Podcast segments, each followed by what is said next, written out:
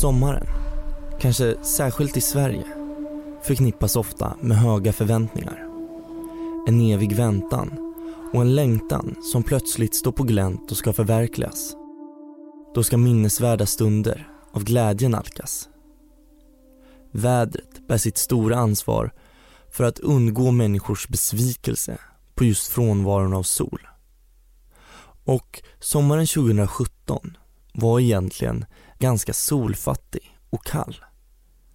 En typisk svensk sommar i ordets rätta bemärkelse. Moln varvat med vind. Regn varvat med åska. Och så en gnutta sol som letade sig fram lite då och då mellan molnen. Om det kanske var så för bara några timmar eller några dagar. Men bara när den där solen tittar fram drabbas svenskarna av eufori kastar de sig ut mot stränderna, ner i båtarna och ut på bryggorna. Många gånger bara för den där gyllenbruna brännan som istället ofta resulterar i en färg av en röd kräfta. Man ska ju ta vara på ljuset och solen i allra högsta grad. Det är långt ifrån värme och eufori som intog Surahammar den sommaren. Surahammar drabbas av ondska och grymhet i dess värsta slag. Den 1 augusti angriper en 31-årig man helt oprovocerat en 55-årig kvinna på en återvinningsstation. Kvinnan vid namn Elsa Åsberg var ute för att slänga skräp på en återvinningsstation mitt på klara dagen när hon mördas med ett stickvapen. Mannen hugger henne 20 gånger. Det här var dessutom två för varandra helt okända och främmande människor. 31-åringen heter Fredrik Andersson. Han kommer från Västerås. 25 minuters bilväg från Surahammar. Fredrik kom att dömas till rättspsykiatrisk vård men Högsta domstolen bestämmer senare att ändra straffpåföljden eftersom att man konstaterar i sin dom att mannen inte led av någon allvarlig psykisk störning vid tillfället.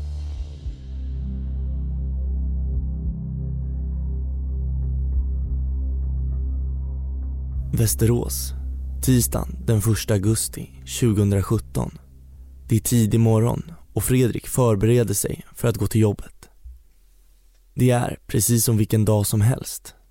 Monoton, alldaglig och enformig. Den här dagen känns dock inte riktigt som vanligt för Fredrik. När han kommer till jobbet upplever han sig själv befinna sig i något som han beskriver som ett vakuum. Allt omkring är ett enda stort mörker. Han klarar inte av att sköta sina arbetsuppgifter. Fredrik är frånvarande. Han är nära till ilska och vrede. Under sommaren har han börjat höra röster i huvudet och under våren ska flera händelser ha skett som gör att han åtalas för olaga hot. I mars hade han gått in på en vårdcentral och skrikit “Jag ska döda er alla”. Han ska då ha varit upprörd över att han inte blivit uppringd av vårdcentralen då han ville ha sömntabletter. Innan dess ska han kommit till vårdcentralen och sagt att han skulle sparka sönder stället. Fredrik hade lämnat sitt telefonnummer och en kvinnlig läkare hade ringt upp. Fredrik svarar i telefon och frågar då varför hon ringer och han säger att han inte vill prata med en citat jävla hora. Han vill prata med den manliga läkare som han haft kontakt med tidigare. Den kvinnliga läkaren försöker lugna Fredrik genom att säga att hon ska ordna ett möte med den läkare som han föredrar att träffa.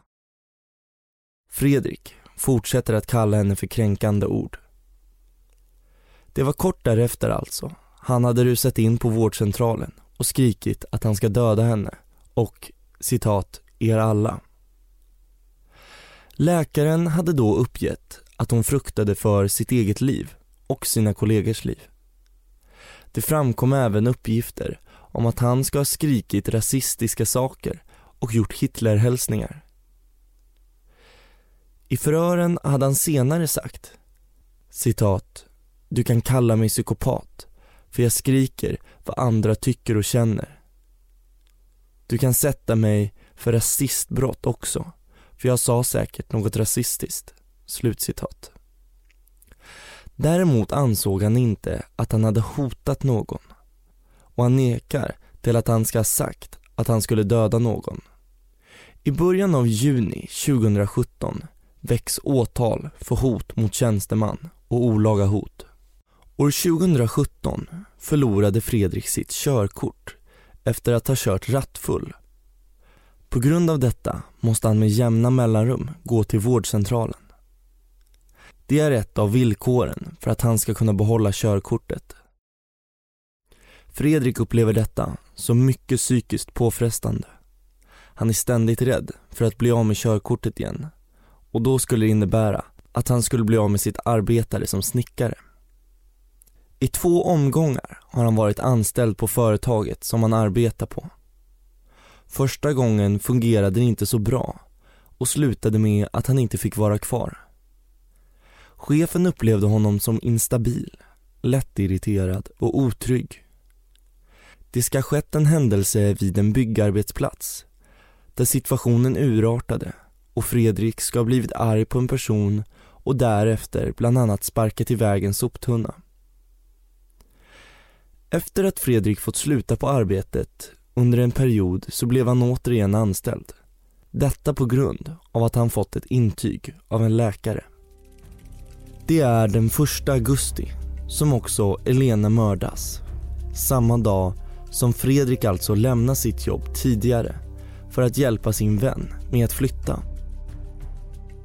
Istället sätter han sig i bilen och börjar köra mot Surahammar där han slutligen hamnar på en återvinningsstation. Fredrik har ett minne av att han stannat på en plats och gråtit då han upplevt att han inte klarar av att köra bilen ordentligt. Parallellt med att Fredrik irrar omkring i bilen i Surahammar startar Elena larmet i sitt hus innan hon sätter sig i sin röda Kia Rio för att åka till återvinningsstationen som ligger tre minuter bort från hennes bostad.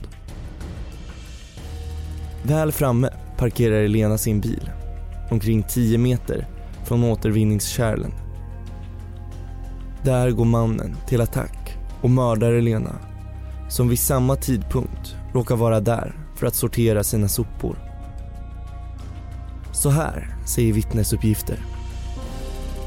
Precis intill återvinningsstationen kommer en kvinna åkandes i sin bil på väg till frisören. Hon svänger in på parkeringen med sin silvriga Subaru och ser att en kvinna ligger på marken med en man över sig. Hon ser att mannen misshandlar kvinnan. Kvinnan i den silvriga Subarun blir rädd och fortsätter ner en bit på gatan där hon träffar på en annan kvinna. Tillsammans ringer de polisen. Samtidigt har ett annat vittne och hans fru hjärtskärande kvinnoskrik. De får syn på en kvinna som ligger på marken, alldeles blodig och en man med gula arbetskläder springer därifrån. De ser att han kastar in något i passagerarsätet innan han slänger sig i den vita arbetsbilen och kör iväg. Det finns ännu fler vittnen till händelsen och flera av dem har hunnit se så pass mycket av gärningsmannen och bilen att de kan ge ett bra signalement. Polis och ambulans anländer till platsen och man kan genast konstatera att det inte finns något man kan göra. Elena är redan död. Hon har stuckits ihjäl med något vasst föremål. Inte långt därefter hittar polisen en misstänkt gärningsman. Men det visar sig vara fel person. Elena hade en sambo som hette Jan. Han blir anhållen samma dag som Elena hittas död vid sopstationen. Det dröjer inte länge förrän polisen inser att Jan är helt oskyldig. För att kort berätta lite mer om vem Elena var.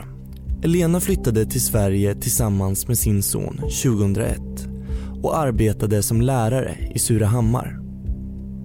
Innan hon träffade Jan hade hon en annan man som år 2012 försvann spårlöst. Några år senare hittade man hennes dåvarande man och hans bil på botten av Mälaren i Västerås hamn. Det här är en tragedi som satte djupa spår och en sorg hos Elena. Hon var övertygad om att det här inte handlade om en olycka. Den här händelsen hade gjort henne mycket orolig och misstänksam och nästan paranoid. Samtidigt kunde hon vara naiv och tro gott om människor som hon träffade. Elena hade god kontakt med sin son och så sent som den 31 juli talade de med varandra i telefon. Samtalet gäller specifikt planeringen om Elenas kommande födelsedag som var inom en vecka. Elena skulle också börja på nytt jobb. Att hennes liv skulle avslutas en dag senare hade ingen den blekaste aning om. Den största anledningen till att man valde att släppa Jan var att man efter förhör med alla vittnen riktat fokus åt ett annat håll. Man har fått ett så pass bra signalement på gärningsmannen och bilen som personen körde att polisen nu verkar ganska säker på att de har hittat rätt. Det är Fredrik Andersson man tror står skyldig till mordet. Onsdagen den 2 augusti griper man Fredrik i hans bostad i Västerås på kvällen. Han tas in på ett första förhör och tekniker söker igenom bostaden. Man tar även med hans bil för att undersöka den. Fredriks första reaktion under det första förhöret är att han tror att det gäller åtalandet gällande olaga hot då rättegången gällande detta snart skulle äga rum. Han verkar förvånad när polisen konfronterar honom med vad han är misstänkt för. Fram till den 18 augusti nekar Fredrik till att han ska ha något att göra med Lenas död. Därefter börjar han berätta att han minns fragment från att han faktiskt varit vid återvinningsstationen. Han säger sig inte veta vad han skulle göra i Surahammar men han börjar få en bild i huvudet av att han står över en kvinna. Det är alltså på femte förhöret som han beskriver sig själv befinna sig på mordplatsen. Han berättar både om sin egen och Elenas placering och ritar en skiss över det här. Han fortsätter sedan med att berätta att han efter gärningen åkt hem till sin bostad för att byta kläder. Fredrik la alla sina kläder och kniven som han hade använt för att hugga ihjäl Elena i en säck. Därefter åkte han iväg för att bränna upp kläderna. Vid ett senare skede tar han tillbaka sina uppgifter och hävdar att han återigen är oskyldig. Under alla förhör har han haft med sig sin försvarare vid sin sida och försvararen har inte haft några invändningar angående polisens förhörsmetoder. Något som Fredrik motsatte sig. Under utredningen fick Fredrik genomgå en så kallad P7. En paragraf 7-undersökning är en läkarundersökning av en brottsmisstänkt när domstolen anser att en persons psykiska tillstånd bör undersökas. Undersökningen genomförs av en specialist inom psykiatri. Om en person begår ett brott som kan leda till fängelsestraff kan domstolen döma till rättspsykiatrisk vård istället. Om personen hade allvarliga psykiska störningar när brottet begicks eller har behov av psykiatrisk vård. Fredrik påstår att han var så utmattad efter undersökningen att han berättat saker som inte stämmer. Men det finns annan bevisning som talar emot honom. Den 5 december 2017 inleds rättegången i Västermanlands tingsrätt. Vad är utrett kring händelsen? Enligt vad vittnen, teknisk bevisning och obduktionsiakttagelser visar så har Elena den 1 augusti år 2017 blivit attackerad med ett vasst föremål och även med slag på sopstationen i Surahammar. Mycket talar för att mordvapnet är en kniv. Den dödliga attacken var brutal och hejdlös. med totalt okänt motiv. Inget vittne har direkt kunnat peka ut Fredrik men det är utifrån vittnens uppgifter om företagsloggan på bilen han färdades i som polisen kunnat spåra personen. Det är bevisat att den bil som Fredrik hade vid tidpunkten haft blod som kommer från Elena både på insidan och främst på förarplatsen och på utsidan. Man har även hittat en strumpa i Fredriks lägenhet med Elenas blod på. Det är bevisat att Fredrik rört sig runt mordplatsen vid tidpunkten för mordet. Fredriks egna uppgifter till polisen om de uppbrända kläderna stämmer då han har kunnat uppge en plats där polisens tekniker senare hittar uppbrända rester av Elenas kläder. Uppsåt. Enligt vad som framkommit av den rättspsykiatriska utredningen är det utrett att Fredrik har lidit av en allvarlig psykisk störning vid såväl gärningen som undersökningstillfället. Domen kommer inte förrän i februari då han döms till rättspsykiatrisk vård. Han döms för mord, olaga hot samt ringa narkotikabrott och ska betala 50 000 kronor i skadestånd till Elenas son. Enligt undersökningen finns det en risk för att Fredrik återigen faller i brottslighet av allvarligt slag på grund av den psykiska störningen. Den rättspsykiatriska vården förenas därför med särskild utskrivningsprövning. Domen överklagas. Fredrik vill dömas för dråp istället för mord. Hovrätten går dock på tingsrättens linje och fastställer domen.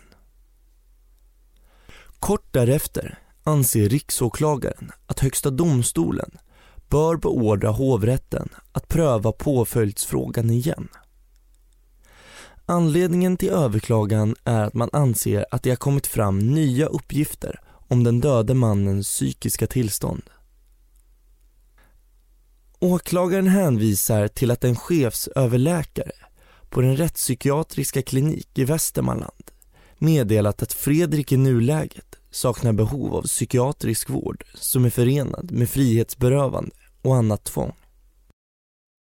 Det här meddelandet ska åklagaren i målet ha mottagit bara några dagar efter hovrättens dom. Det var på kliniken som Fredrik alltså påbörjade sin psykiatriska vård efter hovrättens dom. Citat. Enligt min bedömning innebär de uppgifter som har tillkommit beträffande Fredriks psykiska hälsa och hans avsaknad av behov av rättspsykiatrisk vård endast några dagar efter hovrättens dom att det kan sättas i fråga om det vid tiden för hovrättens prövning fanns förutsättningar, fanns förutsättningar att överlämna Fredrik till rättspsykiatrisk vård samt att det istället förelåg synnerliga skäl att bestämma påföljden till fängelse." Slutcitat. Högsta domstolen tar upp fallet och ändrar domen helt. Fredrik ska dömas till fängelse istället för vård. Han döms till 16 års fängelse för mordet på Elena och när Högsta domstolen angivit sin dom så finns det ingen mer instans som går att överklaga till. Domen kvarstår och Fredrik avtjänar nu sitt straff. Kilian Kanman, forskare vid Karolinska institutet och verksamhetsutvecklare på Rättsmedicinalverket, forskar på dödligt våld och har i en studie granskat sådana fall mellan 1990 och 2013. I genomsnitt faller ungefär 27 kvinnor offer för dödligt våld varje år. Av de uppklarade fallen är det en låg andel där gärningsmannen och det kvinnliga offret inte känner varandra sedan tidigare. Det rör sig om ungefär 6% av fallen. Det vanligaste dödliga våldet mot kvinnor utdelas i deras hemmiljöer av en närstående. Ungefär 25 procent av allt dödligt våld i Sverige är direkt partnerrelaterat. Det vanligaste är att det dödliga våldet sker av en dåvarande eller före detta partner och ofta i samband med någon form av separationsprocess. Ofta har också förekommit våld i relationen tidigare. Avslutningsvis kan då tilläggas att det är mycket ovanligt att man som i Lenas fall, 800 meter bort från sitt eget hem, endast tre minuter bilväg bort, mördas av en människa som man varken har någon som helst koppling till och heller aldrig träffat eller känner. På en gräsplätt i anslutning till mordplatsen flammade snart ljuslyktor. Människor hade lagt blommor för att hedra den mördade kvinnan. Elena hann aldrig fira sin 56-årsdag. En födelsedag hon hade planerat som var tänkt att äga rum bara några dagar senare. Mitt namn är Hjalmar Wilén och jag läser in som stand-in för Sebastian.